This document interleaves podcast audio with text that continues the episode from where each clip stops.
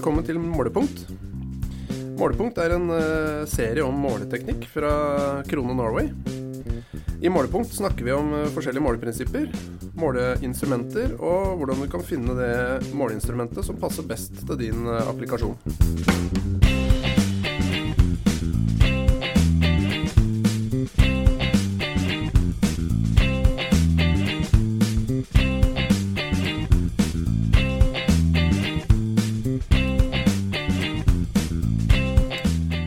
Dag sitter vi på vårt kontor eh, på Dilling utafor eh, Moss i Østfold.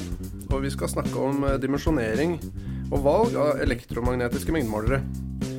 I studio sitter min kollega Jonny Østvang og jeg, Magnus Jonsrud Gårdal. Elektromagnetisk mengdemåling er bygget på Faradays induksjonslov og er av de, en av de mest brukte måleprinsippene for mengdemåling verden over. Vi skal se nærmere på måleprinsippet, valg av måler og dimensjonering. Ja, Jonny, velkommen i studio. Jo, takk. Det er jo hyggelig å være her. Ja, Jonny, du har jo lang erfaring med automatisering. Og jobba innenfor flere eh, industrier med automatisering, og du har også jobba med, med, salg. Kunne du gitt en sånn kort eh, beskrivelse av reisen din gjennom automasjonsverdenen fram til der hvor du er nå? Ja, kort.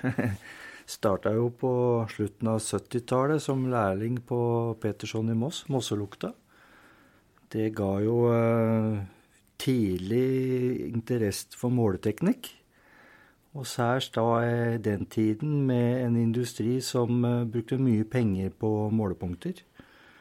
Og eh, etter hvert sterkere sterkere fikk lov til å være mer og mer innenfor eh, den bransjen der, og lærte jo absolutt eh, mye, særlig innenfor prosess.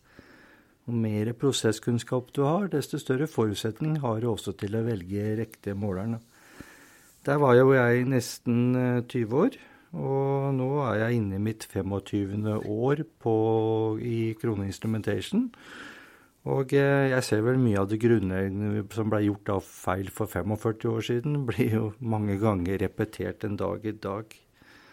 Det var jo i 97 jeg eh, starta opp i eh, kronesammenheng og bygde opp en serviceavdeling. Men ved siden av det så starta vi Flow-skolen. Faktisk et lite sånn interesse jeg alltid har hatt for, i og med at jeg også har hatt uh, opplæring for uh, operatører og automatikere på, i den perioden.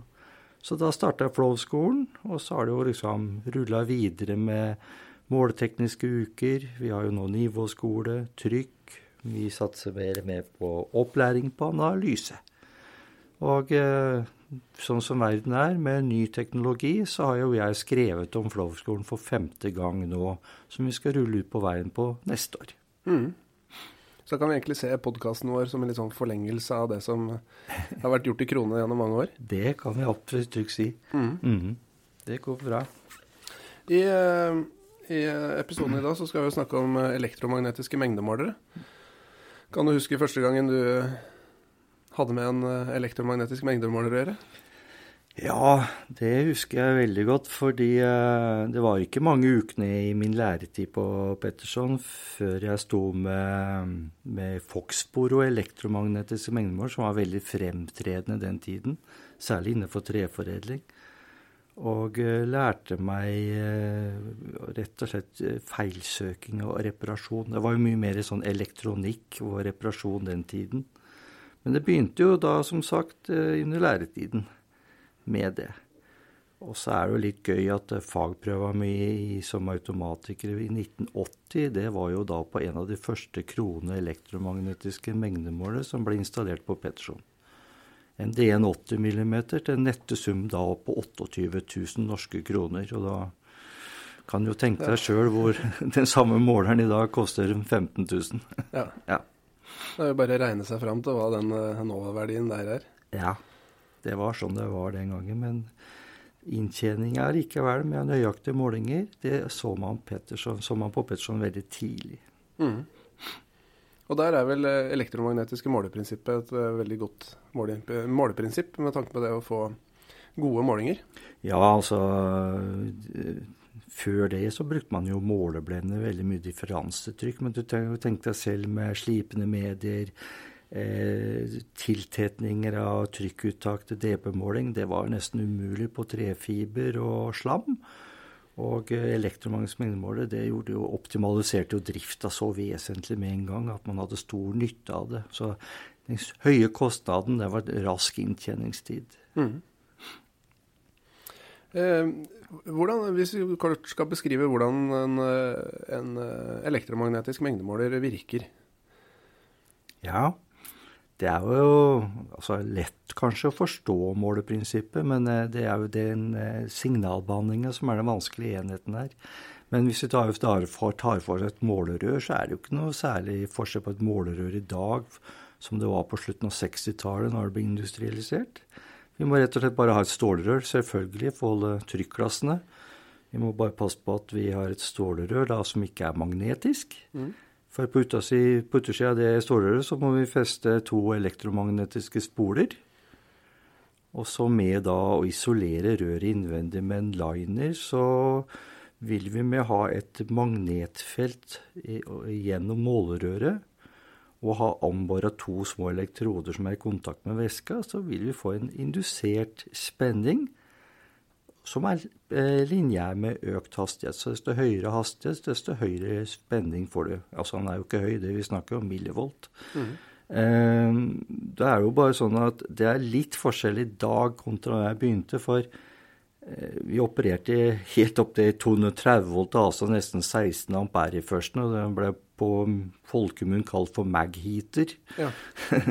altså I dag så er det laveffekt DC-måler vi snakker om. Vi snakker om en 30 volt og ned i 120 milliampere. Så eh, måleprinsippet har jo kan du si, vunnet mye med den nydigitaliserte verden. Mm. Vi kan måle på veldig lavere spenninger.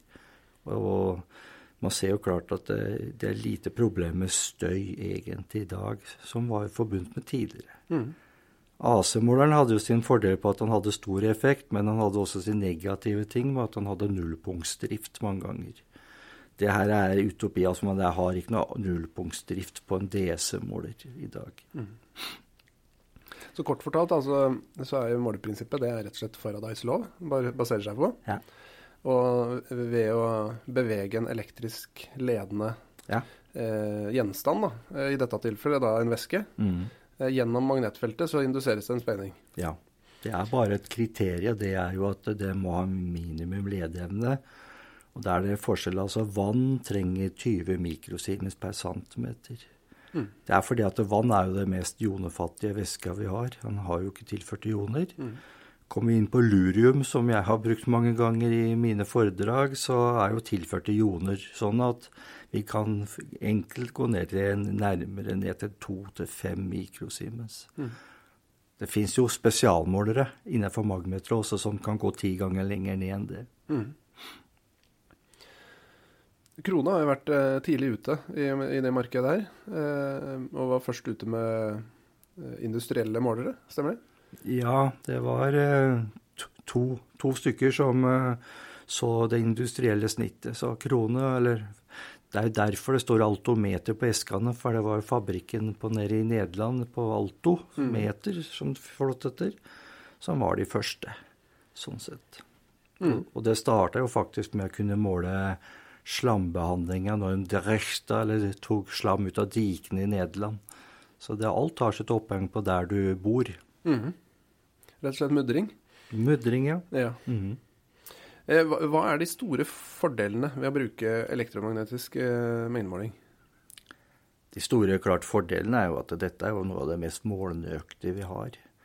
Eh, det er jo, henger også med at de er ferdig kalibrert på fabrikk, altså de er sertifisert. De har en sporbarhet. Og i dag så har vi elektromagnetisk mengdemåler som måler da nede i 0,15% usikkerhet. Altså det er jo helt ekstreme målere. Og ved siden av en god repeterbarhet så har du god nytte av det måleprinsippet. Eh, utover det så er det jo et allsidig instrument for veldig mange applikasjoner. Det er bare kriteriet ledningsevne. Mm. Eh, men jeg må jo mange ganger kanskje velge litt forskjellige elektroder og linere, altså isolatoren, eh, ut av hva vi skal måle på. Vi kommer litt uh, inn på videre her nå uh, mm. hvordan vi velger det, det rette målerøret. Uh, er det noe sånn, sånn innledningsvis, da er det noen begrensninger vi må tenke på? eventuelt ulemper med prinsippet? Nei, det, det, henger mange ganger bare på ledeemnet, men du har jo begrensning innad på temperatur. Mm. Og noen ganger på trykk. Det er kombinasjon der, sånn ut ifra hvilken type materiale vi benytter. Og så bør det vel være sånn høvelig flytende. Men uh... Ja, høvelig flytende. Men ja ja. Men det henger jo sammen med, med dette her med riktig dimensjonering vi skal se på. Mm. Ja, nå har vi har eh, valgt eh, måleprinsippet, da. Nå har vi bestemt oss for å eh, bruke en elektromagnetisk eh, mengdemåler. Eh, hva er det da vi må tenke på for å velge det rette instrumentet? Her er det jo flere forskjellige materialtyper å velge mellom. Er, eh, du har jo nevnt forskjellige typer elektroder. og dette med liner, altså materialet innvendig i målerøret.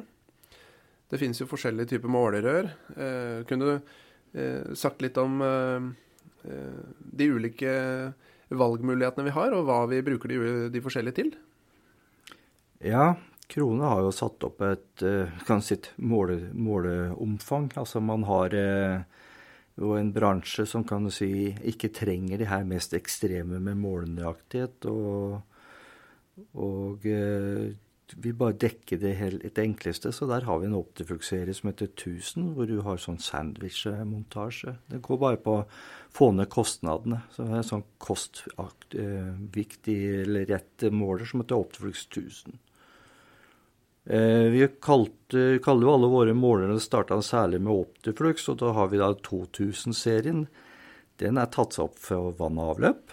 Eh, den er eh, drikkevannsgodkjente linere på. Man har liksom de der segmentene der klare.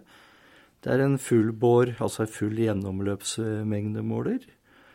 Og så har vi 4000-serien, som er tilsvarende, men med da spesiallinere, som er tatt fram for industri. Kjemikaliemålinger, lut, også de her med litt mer vanskelige. Mm. Og der har du en hel eh, serie med elektroder du også kan ta opp. Så har vi Optrux 5000-serien. Det er jo den eh, måleren som er ekstrem på syrer. Det er en keramisk liner med bakter elektroder. I keramikken der så vil det til at vi har ingen lekkasjepunkter også. Så det er liksom den der top of the art ved siden av den high high end, som er 7000-serien så er det den kapasitive. Der har man jo ikke noen elektroder som er i kontakt med væska. Mm. Så det er liksom hele serien vi har utover det. I ja, de siste år, det er ikke siste år, i over ti år nå, så er det jo, ble det jo født en uh, spesialmåler for vann og avløp. Waterflux mm. 3000. Det er den her uh, rektangulære formen som gjør at vi faktisk, eh, ut, altså med tredjepartskontroll, sjekk, så har ikke den noe krav til rettstrekk. Og det er jo det helt ekstreme. Men det er en spesiallina måler med rektangulær form som retter flowprofilen og har et veldig bredt elektromagnetisk felt og er sterk sånn støyforholdsmessig. Så den er jo dekka opp med alle typer scenariotester og mål, har sin målenøyaktighet selv der du ikke kan dekke rettstrekkskravene. Mm. Eh, det siste vi har kommet opp med nå, er jo at eh, er man innafor eh, ønsket målenøyaktighet på sånn typisk 1-2% som er sånn typisk MI00L og OMLR 49, altså for vann. Den nedre målegrensa er da gitt, og kan måle helt ned til 2% Og når det kommer opp en viss terskel i hastighet, så åpner man 1% og Det har vi nå typegodkjent for vår standardmåler, så sant det er en Optiflux med da en spesialforsterker, eller vår beste forsterker, da, som heter mm. IFC 300. Nettopp.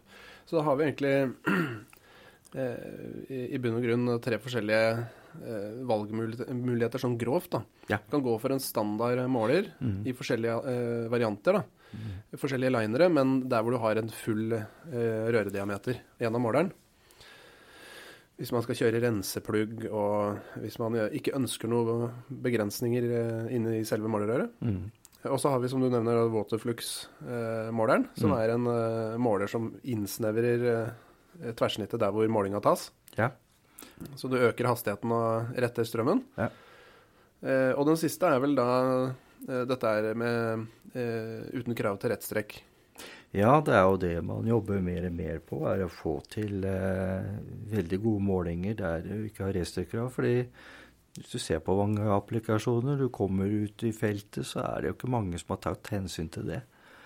Eh, en annen ting vi ser, er jo at det blir strengere og strengere, særlig på utslippssiden. Og man må ha dokumentasjon med seg fra kalibreringsstasjonen helt ned til måleresultatet. Mm. Og da vinner man gjerne med sånn som Optiflux, eller da med den der eh, nye sertifiseringen. Og så har vi selvfølgelig waterfluxen. Det er jo vannmåler nummer én, fordi i og med at du har reduced eh, i bår, altså den rektangulære formen, altså måler vi med samme måleaktighet ned til en tredjedel i hastighet som en standardmåler. Mm. Så det er da liksom lekkasjesøkmåleren. Det er den som sladrer absolutt på det mest målenøyaktige vi har. Mm. Den siste eh, jeg skulle nevne i stad, eh, sa jeg rettstrekk. Jeg hadde tenkt å si eh, uten krav til full fylling av målerøret. For det er jo også et, egentlig et krav på en elektromagnetisk måler. Det at du må det. ha et fullt rør. Ja. Men har du ikke et fullt rør, så har vi en løsning på det òg. Det har vi. Vi har som mange andre. Vi drar fram noe i ermet, og der har vi en som heter Tidaflux. Det er jo en elektromagnetisk mengdemåler med kapasitiv nivåmåling. Så han da kan kalkulere ut ifra fyllingsgraden din en god målenøyaktighet fra 10% fylling og oppover. Mm. Da har vi jo eh, sett at vi har eh, ulike elektroder. Vi har ulike rørfasonger, avhengig av prosess. Eh, vi har ulike coatinger inne i selve måleren. Og vi har ulike flenser. Ja, det var jo det som var gøy. Etter å hoppa fra gjerdet på Petterson, så trodde jeg hele verden så ut som din verden. Mm -hmm. din flenser. Men når jeg begynte her, så var det jo plutselig ANSI, det er meierikoblinger og you name it. Og det siste med store båter er jo gist av den japanske, japanske industristandard. Mm. Så man kan gå litt i fella her også, hvis man ikke har eh, fått med seg hva kunden skal ha. Ja. Så det å tenke på eh, prosessanslutninger, det er også viktig. Ja. Nå har vi jo snakka om eh, selve målerøret og de ulike valgmulighetene du har på, på det. Men uh, målerøret er jo bare halvparten av måleren. Vi må jo ha en signalomformer eller konverter eller Det er jo så mange navn på den.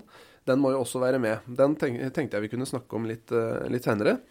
Hvordan man velger den riktige konverteren. Men før vi gjør det, så kunne vi vel si litt om eh, hvordan vi bør dimensjonere eh, måleren for å få eh, et måleinstrument som, passer, eh, som gir best mulig måleresultater. Ja, altså Man har jo flere scenarioer rundt den biten der. Så for det første så kommer det mange ganger på store rør. Prosessrør. Lav hastighet. Eh, vi har jo en tankegang om at for det første så skal man jo fylle målenøyaktighet.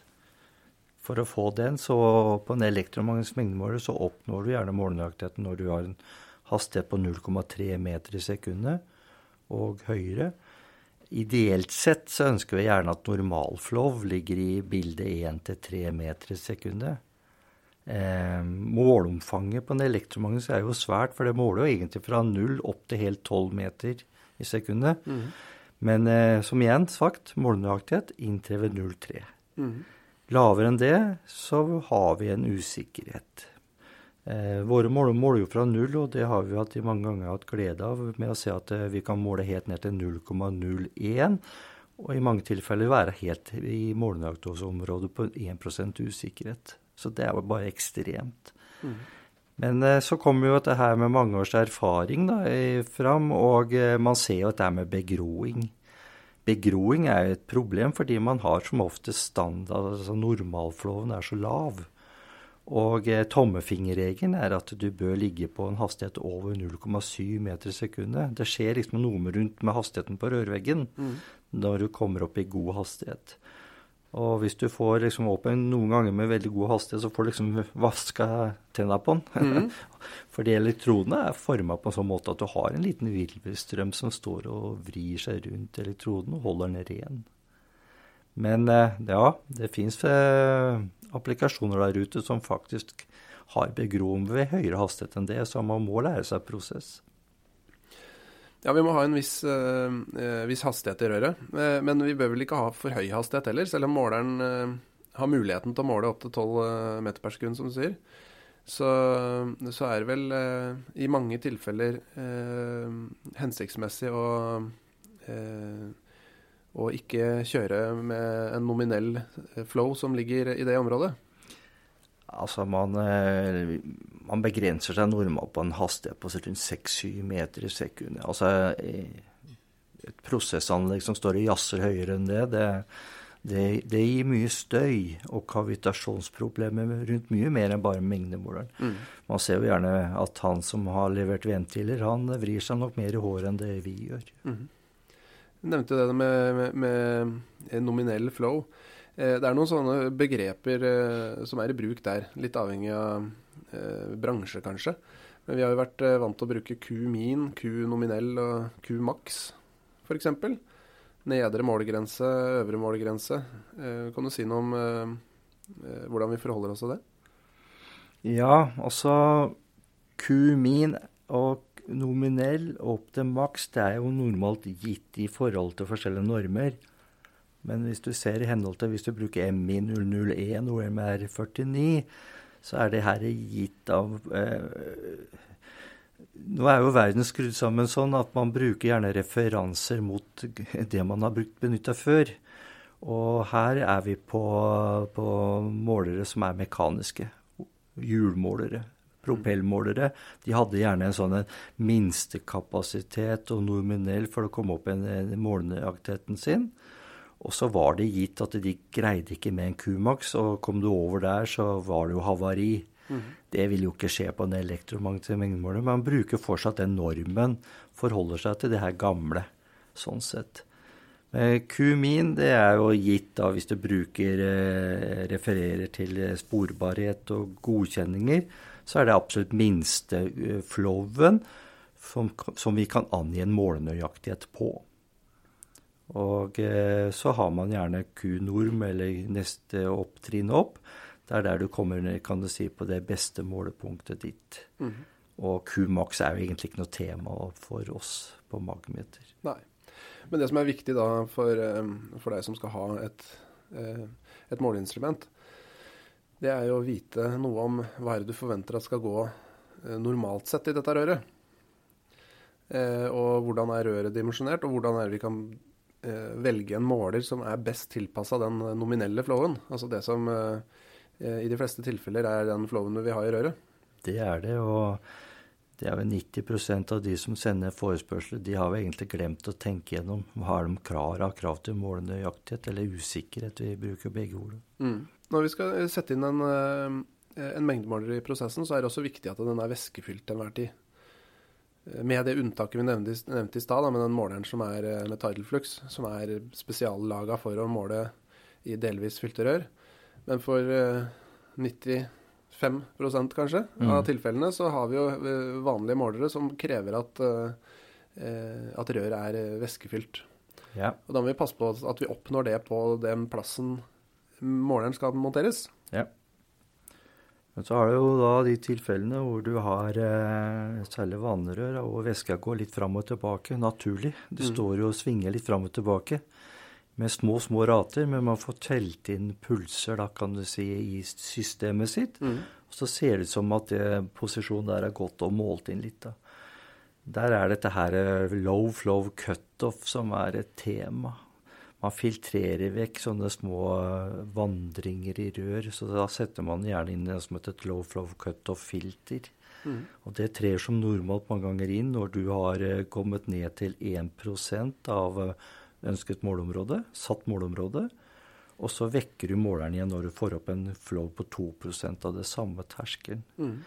Men så har du andre punkter da, hvor du skal ha ekstremmåling helt ned med null. Hvor du må da fjerne low flow cut-filteret for å kunne hele tatt måle helt ned til det aller laveste. Mm. Og Da vil det være en typisk installasjon som hindrer at det går fram og tilbake. Mm.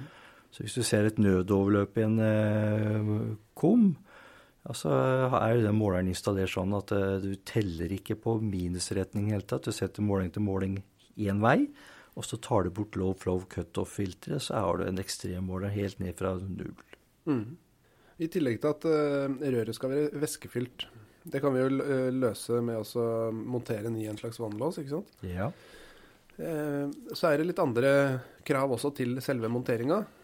vi bør jo helst ikke ha denne måleren før Altså etter en ventil.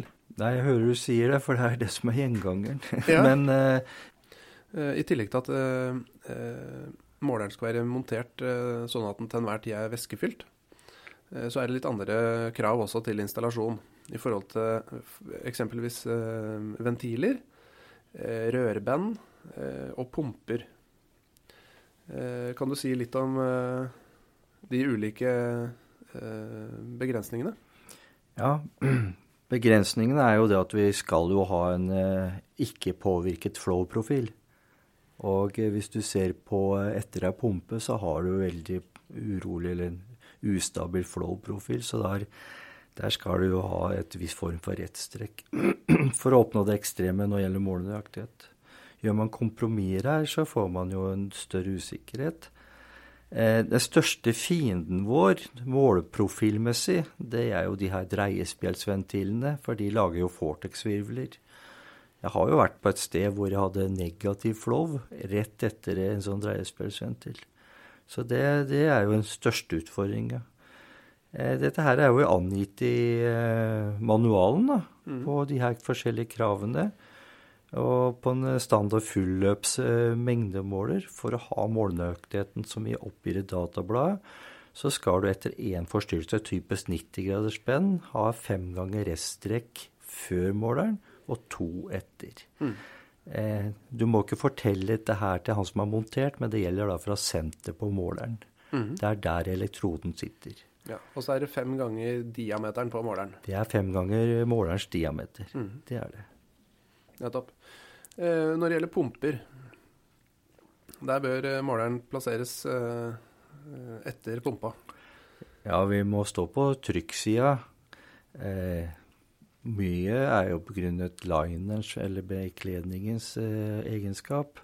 For hvis du har på sugesida, så er det ikke sikkert den lineren er der lenge. Da må du i hvert fall sørge for at du har en vakuumresistent liner som tåler å stå på sugesida og pumpe. Mm. Men da er det greit å vite det tidlig. Vi har jo snakka om dette nå at uh, måleren skal være væskefylt, og skal, vi skal ha rettstrekk. Men uh, det er jo ingen regel uten unntak. Uh, selv en tradisjonell, uh, vanlig mengdemåler kan vi jo nå bruke uten rettstrekk. Ja, og det er jo igjen da Som bruker av måleutstyr så må du egentlig tenke deg litt gjennom hva er det du, hva er det du ønsker. Ønsker du en ekstrem målnøyaktighet? Greier du deg med 1-2% Og vær nå klar over at det, det, repeterer jo ekstremt uansett. Så har du målefeil med en usikkerhet på 3% så har du det hele tiden de samme forholdene. Og det enkelte ting så kan du jo faktisk tune deg inn også med å optimalisere. Eh, så det er litt greit å sette opp i forkant hva er ønsket målenøyaktighet. Mm. Og det gjør jo også at hvis vi får en kunde som kommer opp med målenøyaktighet som er sånn og sånn, så gjør det det enklere for oss å velge forsterkeren. Mm. Sluttrinnet, som er egentlig endenøyaktigheten. For målerørene i seg selv, de er jo ekstreme målesikre. Så totalnøyaktigheten den får vi ut med kombinasjon målerør og forsterker. Mm. Hva er det vi kan risikere da, hvis vi monterer eh, feil? Så lenge du er væskefylt, så er det sjelden at du kommer galere ut enn 3-5 Mm. eh, Optimalisert så er det en og samme kanskje måler 0,15 Mm. Så det er jo et stort spenn her på hva man ønsker. Hva er den verste installasjonen du har eh, sett noen gang? Ja, det må jo ha vært at noen har tredd prosessorøret tvers gjennom måleren. som ikke har hatt kontakt med væska i hele tatt. Mm. Så nei, men verste, hva er verst? Altså, det var jo veldig utenkbart. Men altså, alt er til grunn til å få til. Altså, har man ikke rette innsikter eller opplæring eller forståelse, så var jo det Norges, eller kanskje den siste eller første gang jeg har sett en elektromagnetisk mengdemåler som Clampon. Akkurat. det funker ganske dårlig. Det gjorde det. Det ga resultatet, men eh, ja. Når vi har eh, tatt stilling til eh, hvilken måler vi skal velge, og vi har sørga for at den er montert eh, og plassert i prosessen på den beste plassen, eh, i, da i henhold til manual, selvfølgelig Vi anbefaler jo også at, eh, at kundene våre leser eh, den. ja. Eh, I tillegg til det så må, må vi da velge en konverter, eller signalomformer. Den, eh, den enheten har jo egentlig mange navn. Det den gjør, er jo å konvertere eh, den eh, millivoltverdien vi måler, til eh, noe vi kan relatere oss til i forhold til kubikk per time, eller hva vi vil lese av på instrumentet. Og så gir den oss muligheter til noen forskjellige utganger, f.eks. ja. Eh, kunne tatt oss gjennom eh, de alternativene du har å velge i der. Altså, i utgangspunktet så har vi nå fire forsterkertyper. Eh, vi har, hvis vi tenker på tradisjonelt power, eller spenningsforsynt, så har vi noe som heter IFC 050, IFC 100 og IFC 300. De skal ta for meg IFC 50 og 100 først. De er ganske like. De er helt like når det gjelder spoleytelse. De er helt like når det gjelder eh, å ta signalene tilbake og sånt noe. og de ligger omtrent på samme målenøyaktighet. IFC 100 standard litt bedre målenøyaktighet enn 50. Eh, 50 den har noen begrensninger når det gjelder eh, diagnostikk. Det er dette her eh, som har blitt veldig for oss viktig å ha med seg. Det er diagnostikk av ledningsevne. Vi overvåker ledningsevne i våre målere. Den egenskapen har ikke 50, men så fort du kommer opp i 100-forsterkeren og 300-forsterkeren, så har vi ledningsevnemåling som et viktig mål. Det forteller jo oss om vi har tomt rør. Eller når du kommer i gang, så kan vi fortelle litt om at mediet ditt har varierende ledeevne. Eller vi bruker det gjerne som diagnostikk i forhold til begroing. Begroing er av isolerende form eller med høyere konduktivitet enn væske i seg sjøl. Så skal du ha en tung diagnostikk, så må du gå opp til den kraftigste forsterkeren, som er IFC 300. 300 har også en egenskap at den har dobbel effekt på magnetfeltet. Og eh, har ekstremt mye bedre målenøyaktighet. Det er derfor også 300-forsterkeren er med i eh, programmet for å ha godkjent da standardmål uten krav til reststrekk. Det er da 300-forsterkerens eh, magnetfelt, elektrodestøyforhold. Mm. Så den siden sånn. Og så har du eh, lillebror, storebror, hva skal vi kalle det for. Den, den, den litt unike, det er jo at vi har nå elektronikk som er basert på batteridrift. Mm. IFC 070 ble jo tatt fram fordi eh, man ser at DC-målere krever lite energi. Og så har vi da IFC 070 som da sitter eh, der Kan nesten si at den erstatter en mekanisk måler i og med at den har standard pulsutganger som disse som eh, turbinene, altså rot roterende mengdemålerne har. Mm. Så den har jo da eh, pulsutgang ved siden av. I det siste har også batteriforsterkeren fått en Modbus-utgang som kan fortelle deg mye mer da. Eh, ja, eh, 300-forsterkeren er jo den eneste vi har også som kan ha opptil tre analoge utganger.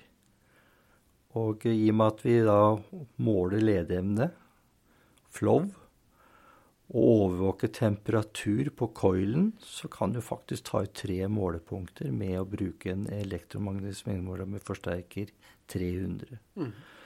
Noen har også eh, Flåklypa Grand Prix, holdt på å si, bilen etter Riover. Eh, Tempo Gante hadde jo to speedometer. Mm -hmm.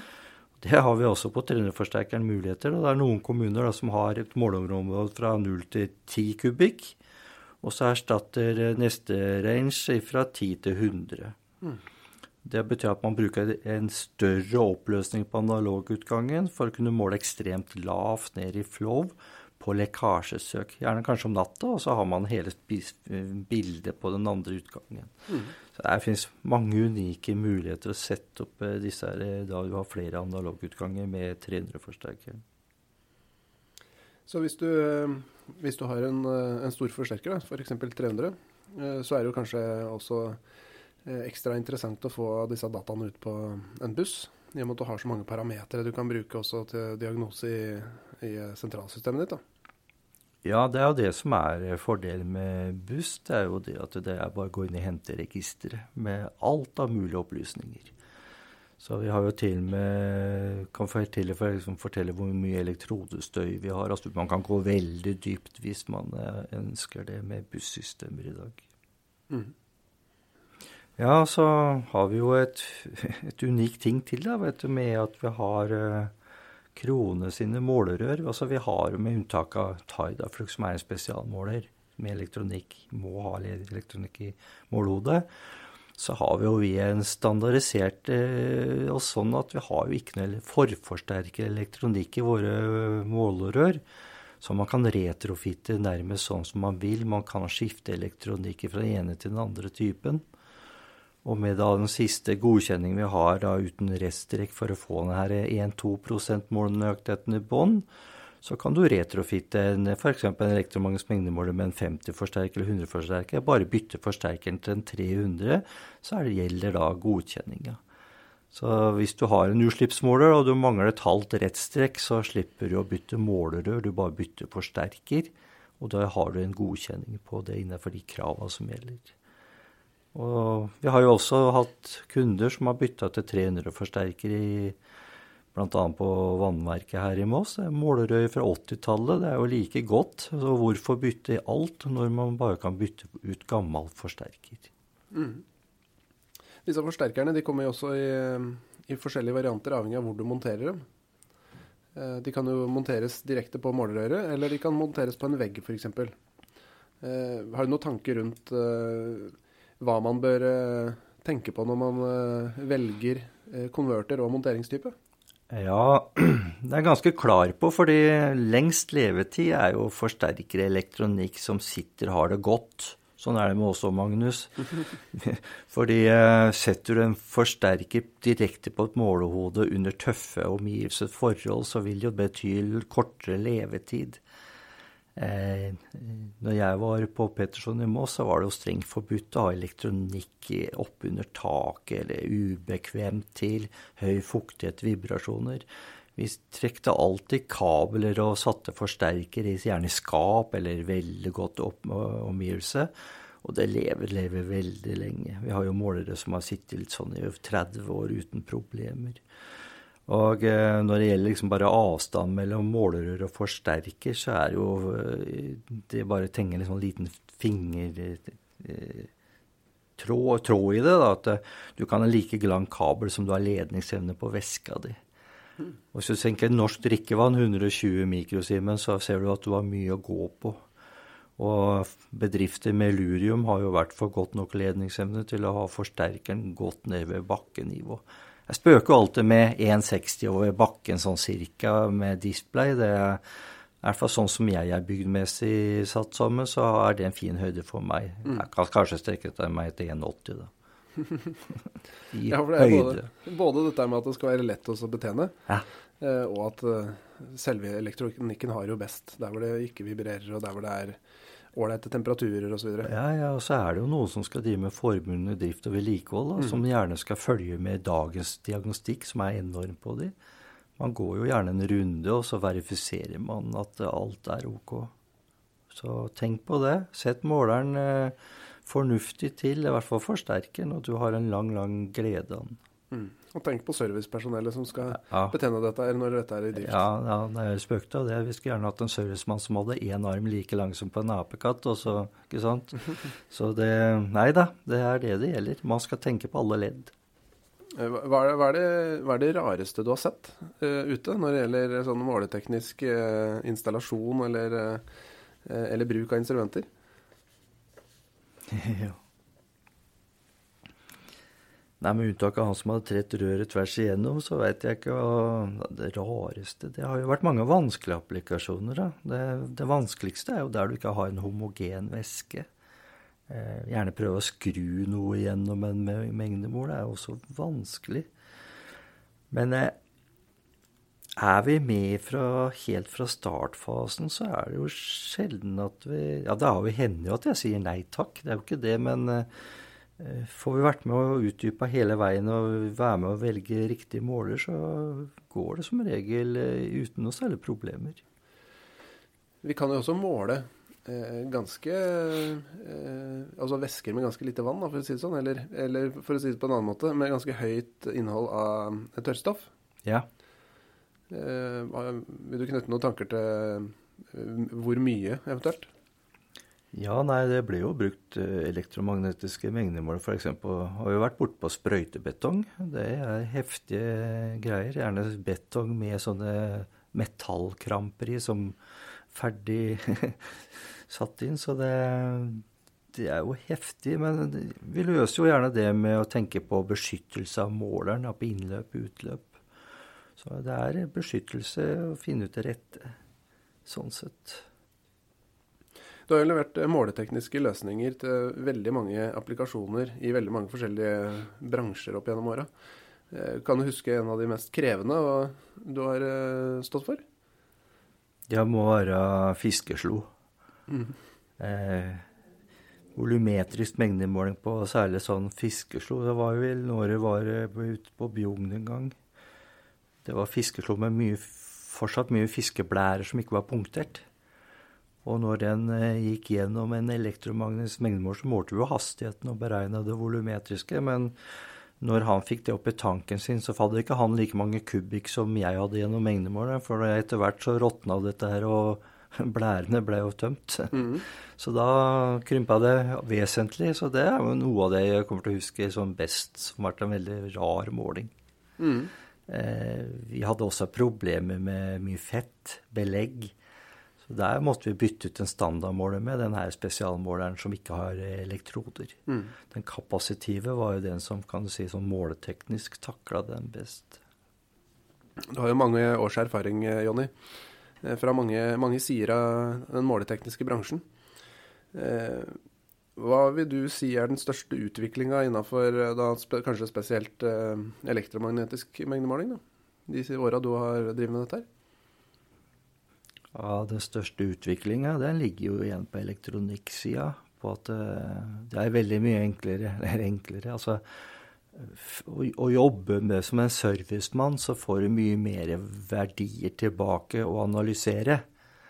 Man eh, får gjerne Vi har jo eget signal det gjelder hvor stor støyforhold, hvor stor støy du får på elektrodene. Vi kan for så vidt også se mye mer på åssen danne oss et bilde av flow-profil. Eh, dagens elektromagnetiske mengdemåler vil avdekke luftbobler på en helt annen måte.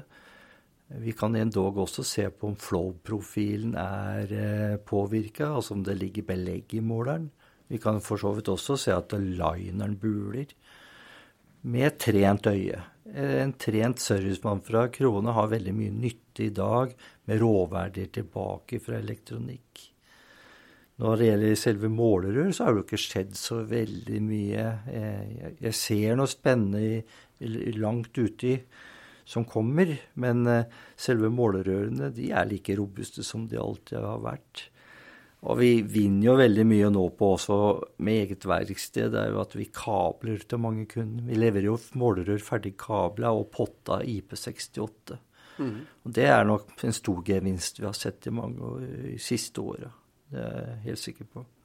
Da kan du faktisk ha neddykka måler, eller du kan grave ned f.eks.? Ja da. Vi, eh, det er jo godt over ti år siden jeg var med og så de første målerne ble nedgravd, men de er da overflatebånda forre. Det er jo en, en coating som tåler veldig mye. Så det er både neddykk og nedgraving av målere rundt oss. Når, eh, når vi snakka om dette her med, med dimensjonering og valg av måler Elektromagnetiske mengdemålere finnes jo veldig mange forskjellige dimensjoner.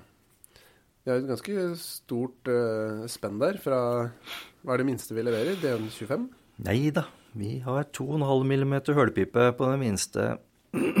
Det er jo ekstremmåleren, eh, dråpetelleren. Mm. Og så har vi jo full range opp til og med DN 3000. Så når du begynner med tremeteren, så begynner du å synes i terrenget. Det er plass til mange. 2,5 mm inn i den karen. Mm.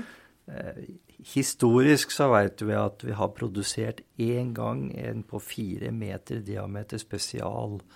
Ikke dessverre til norske markeder, men til en demning nede i Kina. Mm. Så det er stort målomfang sånn sett.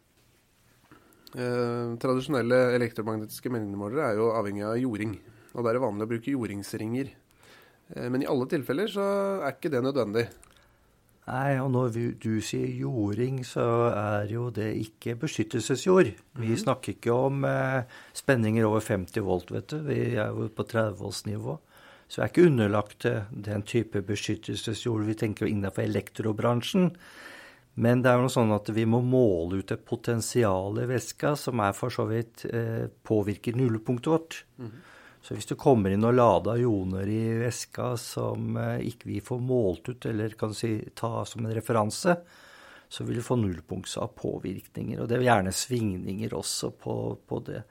Så hvis du ser på en vanlig standard elektromagnetisk mengdemåler, så er jo den utstedt med to jordingselektroder. Svarte, måleteknisk.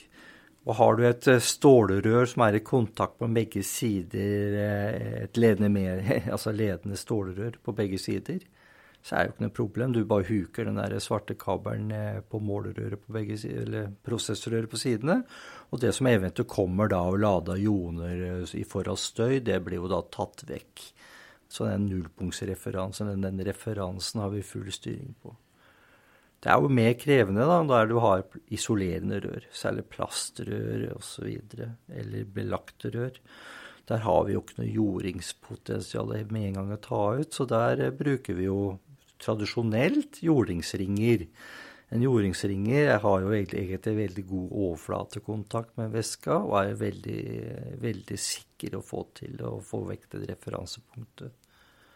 Eh, der vi har lave om, altså områder med lav støynivå, typisk nede i en pumpekum eller sånt noe, så lever vi gjerne også elektronisk mengdemåler med et én jordingselektrode eller to.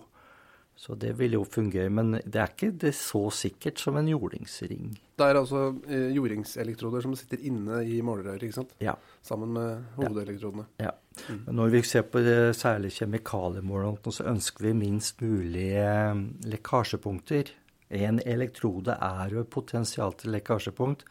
Selv etter de 25 år så er det jo ikke så mange målerne jeg har sett som har fått lekkasjer. Men en gammel mann husker gjerne godt, og jeg kan kanskje telle på en fem-seks stykker da, på 25 år. Mm. Men man skal jo helst ikke ha lekkasjepunkter, særlig der du har aggressive stoffer. Der har vi jo innført et nytt begrep med også 300-forsterkeren, hvor vi har det som heter virtuell jordingsreferanse. Det betyr at det er et målepunkt, så måler vi faktisk ut jordpotensialet mellom elektrodene og går det inn som et referanse til 300-forsterkeren. Så igjen så er det den 300-forsterkeren som er det unike vi har her. Når uh, mengdemåleren er uh, installert og ting er i drift, uh, hva er det brukeren da må passe på sånn videre gjennom livsløpet til måleren? Er å besøke den. Altså en gang iblant fast intervall på å se på uh, særlig sånn som kabelgjennomføringer, at de er dratt til ordentlig, ikke får fuktighet inn i målehoder. Det er jo et viktig vedlikeholdspunkt, at man vertifiserer det. Utover det så er jo egentlig en elektromagnetisk mengdemåler lite vedlikeholdsmessig krav. I og med at han har så god innebygd diagnostikk, så sier jeg som regel at ta deg en tur bortom måleren med faste lag, noen intervaller rundt tider, og se at han ikke har en alarm. Har en alarm, så syns det godt øverst til venstre i displayet, og så er det en egen side du bare blar til.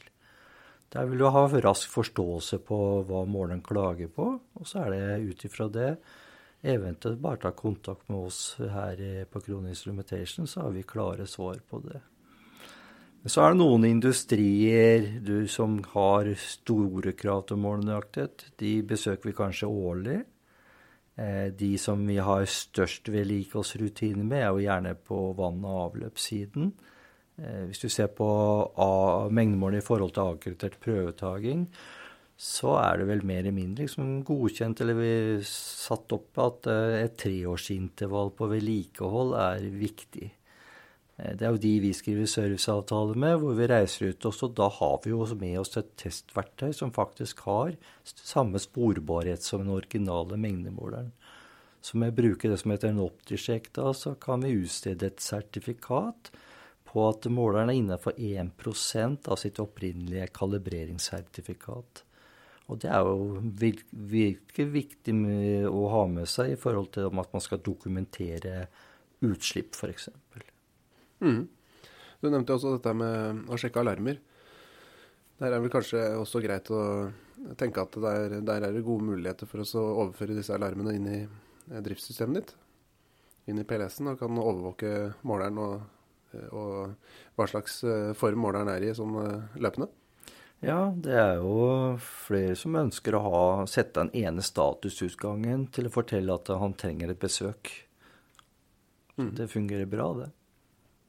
Ja, Jonny. Da eh, håper jeg eh, at lytterne har fått litt bedre innblikk i, eh, i hvordan man eh, velger og dimensjonerer eh, elektromagnetiske mengdemålere. Ja, jeg har kosa meg, jeg er som vanlig, og det er gøy å få lov til å dele disse åra med erfaringer. Og vi er jo lett å komme i kontakt med. Det er bare å ta opp telefonen, og så er vi tilgjengelig får bistand der de ønsker det. Og så må jeg jo si nå at eh, jeg ser jo allerede fram til neste episode med et nytt og kanskje vel så spennende måleprinsipp. Mm, absolutt. Tusen takk for praten, Jonny. Takk skal du ha. Ha det godt.